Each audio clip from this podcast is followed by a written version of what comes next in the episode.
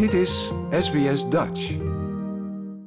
Nicolien, welkom terug naar die zomerbreak. Het was uh, zeker geen saaie of komkommerzomer. Hè? Eh, veel nieuws hier in Australië, maar ook in Nederland. Daar was in één keer een nieuw kabinet.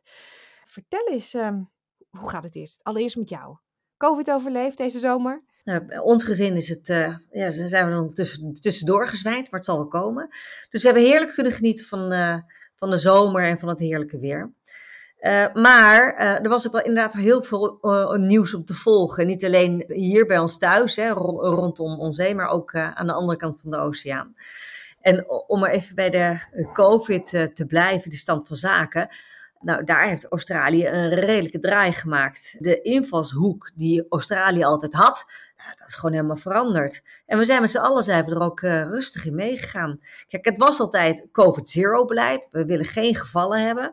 Toen vanaf oktober hebben ze gezegd, het grootste gedeelte van Australië althans, nou, we gaan naar een ander beleid toe. We gaan de boel gewoon iets meer onder controle houden, maar we gaan wel volgen waar de gevallen zitten.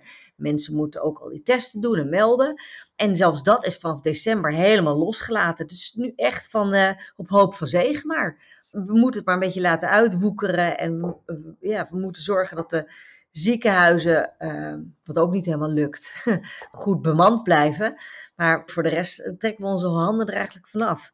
Je merkt alles dat de samenleving gewoon een beetje lam ligt. Hmm. En dan is het niet zozeer doordat de overheid zegt je mag niet naar buiten of je moet een lockdown.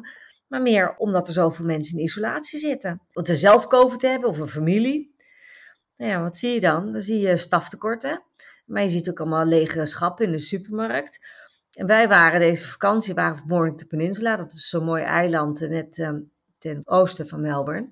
En uh, al die restaurantjes, die waren gewoon leeg. Er gebeurde helemaal niks. Die waren op zaterdag en zondag gewoon dicht. Dus ik vond het wel treurig om te zien. Ja, je ziet ook dat de overheid daarin dit beleid iedere keer aanpast. Hè? Weer van, ja, eerst moet je zoveel dagen in isolatie. Ja, ja dat lukt gewoon niet. Te veel mensen zaten thuis. Dus die, die die periode wordt steeds korter. Ja, ja. En dan merk je dat het, uh, de, gewoon, uh, de, de samenleving, ja, die wordt er gewoon lam gelegd door de COVID. Mensen willen wel graag hun geld uitgeven, maar het kan nog steeds niet.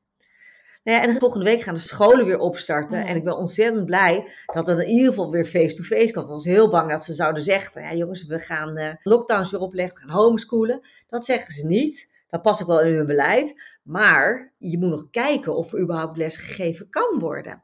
We krijgen ook mails van school van, ja, dat de leraren waarschijnlijk in isolatie moeten, dat we ons daar moeten voorbereiden, dat de kinderen dan in de klas zitten, maar dat de leraar thuis zit. Mm, ja, ja, ja. Dus weet je, ze zijn er wel mee bezig, maar weet je, het leven is nog niet zoals het moet zijn. Iedere keer als we denken, we zijn er bijna, dan gebeurt er weer wat. Hè? We hadden dat natuurlijk voor Delta. Toen was het allemaal rustig en toen kwam die Delta-variant. Toen we daar dachten van, nou, nu kunnen we ademhalen. Toen was in december daar Omicron. Het, um, ja, ben me toch eigenlijk wel een beetje benieuwd wat de toekomst nog uh, gaat brengen. Ja, nou ja, en als je nu even ook wat, wat uh, dat weet je niet trouwens hoor, maar als je nu even, even een beetje uitzoomt en gaat kijken, dan is met name ook van de afgelopen paar maanden ook die verhouding tussen de staten en de federale regering komt bij mij ontzettend naar boven. Je ziet bijvoorbeeld dat er um, Western Australia bijvoorbeeld, die gaat ijzeren heinig zijn eigen pad. En die zou 5 februari de grenzen opengooien, maar die zeggen van nee, gaan we niet doen. Want we vinden het allemaal veel te eng. En ze kunnen dat ook gewoon doen. Dat mag. En dan denk ik bij mezelf, is een mooie verkiezingsstunt. Want Mark McGowan is natuurlijk van, van de Labour-kant, een, socialist. En die moet strijden tegen de Liberals. En de liberale minister-president, Scott Morrison, die komt op deze manier de staten niet naar binnen. Dus kan helemaal geen campagne voeren. Maar ja, dat terzijde natuurlijk. Principiële punt is natuurlijk dat keer op keer duidelijk wordt dat de staten en een federale regering of elkaar in de haren zitten uh, of met de federale regering uh, in de clinch liggen. Ja, dat was toch wel een beetje smullen deze zomer, hè? Wat tennis betreft bijvoorbeeld.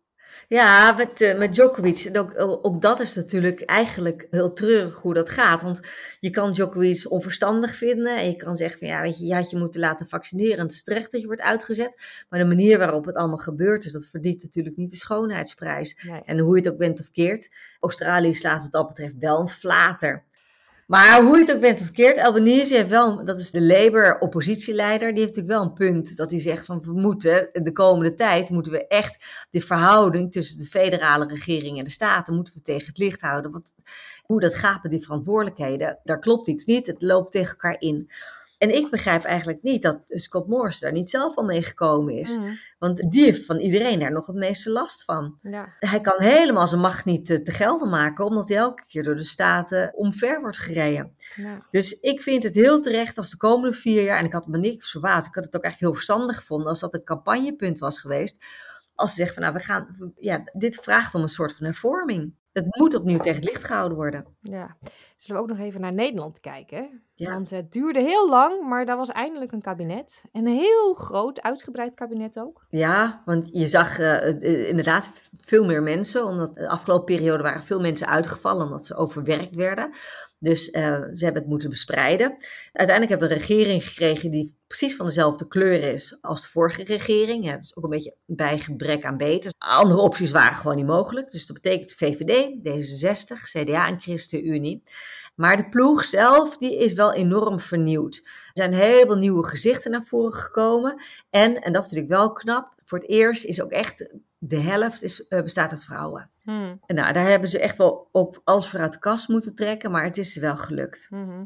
Eh, bijzondere namen zitten ertussen. Mensen die helemaal geen ervaring hebben in de politiek bijvoorbeeld. Zoals Ernst Kuipers. Ja. Maar ook eh, meneer Dijkgraaf. Klopt, Ernst Kuipers die hebben we al gezien uh, vaak in het nieuws tijdens de corona, omdat hij, um, hij zat in dat, in dat team wat de regering moest adviseren. En nou, hij is nu doorgeschoven. Ook wel een slimme zet, want hij was best geliefd en hij was, kon ook best kritisch zijn op de regering.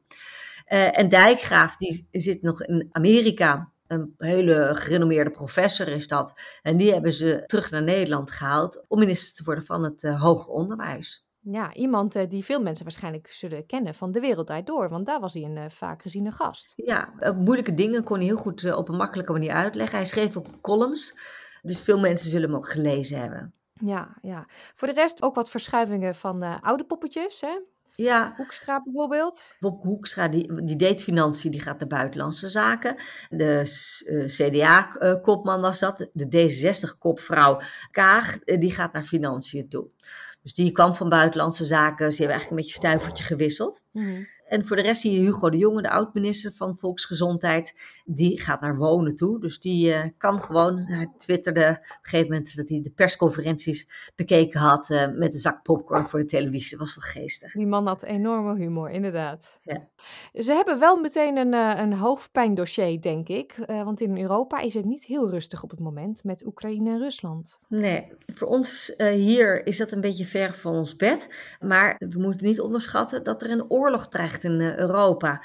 Er staan Russische troepen klaar om uh, Oekraïne binnen te vallen. Ze hebben natuurlijk al uh, de Krim hebben ze gekaapt. En nu willen ze, ja, ze zeggen zelf van niet, maar alle tekenen staan er wel op. Willen ze eigenlijk heel Oekraïne weer terug inlijven. Ja, honderdduizend troepen, hè? Daar gaat het om. Ja, en de vraag is hoe gaat Europa daarop reageren? Het is een markant ding. En het pijnlijke is dat de NAVO het niet helemaal met elkaar eens is. Je hebt dan de Verenigde Staten en Nederland onder andere, die zeggen echt, nou, we, moeten klaarstaan om terug te kunnen vechten. Maar Duitsland, die hebben nu een GroenLinks minister van Buitenlandse Zaken, uh, en die is redelijk pacifistisch. Die wil niet vechten. Die wil gewoon echt niet vechten. Dus die, uh, die probeert het elke keer maar een beetje omlaag te praten en het rustig te praten. Die uh, hoopt eigenlijk dat het gewoon niet escaleert. Hmm. Dus wat dat betreft, zolang de NAVO de handen niet in één kan slaan eigenlijk, staat Europa ook best wel zwak. Het is echt een dreiging. En je kan op dit moment alleen maar hopen dat iedereen het hoofd koel houdt. En dat er niet iets gebeurt waardoor de vlam in de pan slaat. Nee, Biden die heeft wel ferme uitspraken gedaan. Die zegt, um, als Rusland iets in zijn hoofd haalt, dan zullen de, de consequenties heel groot zijn. Ja. Laten we het inderdaad hopen dat het rustig blijft. Daar. Ja, maar ik denk wel dat het de moeite waard is om echt heel zorgvuldig te volgen. Want als het fout gaat, dan gaat het ook echt wel goed fout. Ja, nou, dat is niet zo'n hele leuke afsluiter, maar uh, moeten we er wel mee doen, Nicoline, want we hebben niet meer tijd, helaas. We kunnen nog zoveel bespreken van de afgelopen zomer. Maar um, dat doen we dan volgende week gewoon weer. Dit is een beginnetje. Gewoon een beetje warm draaien vandaag. Precies. Dankjewel en tot volgende week. Joep. Like, deel, geef je reactie. Volg SBS Dutch op Facebook.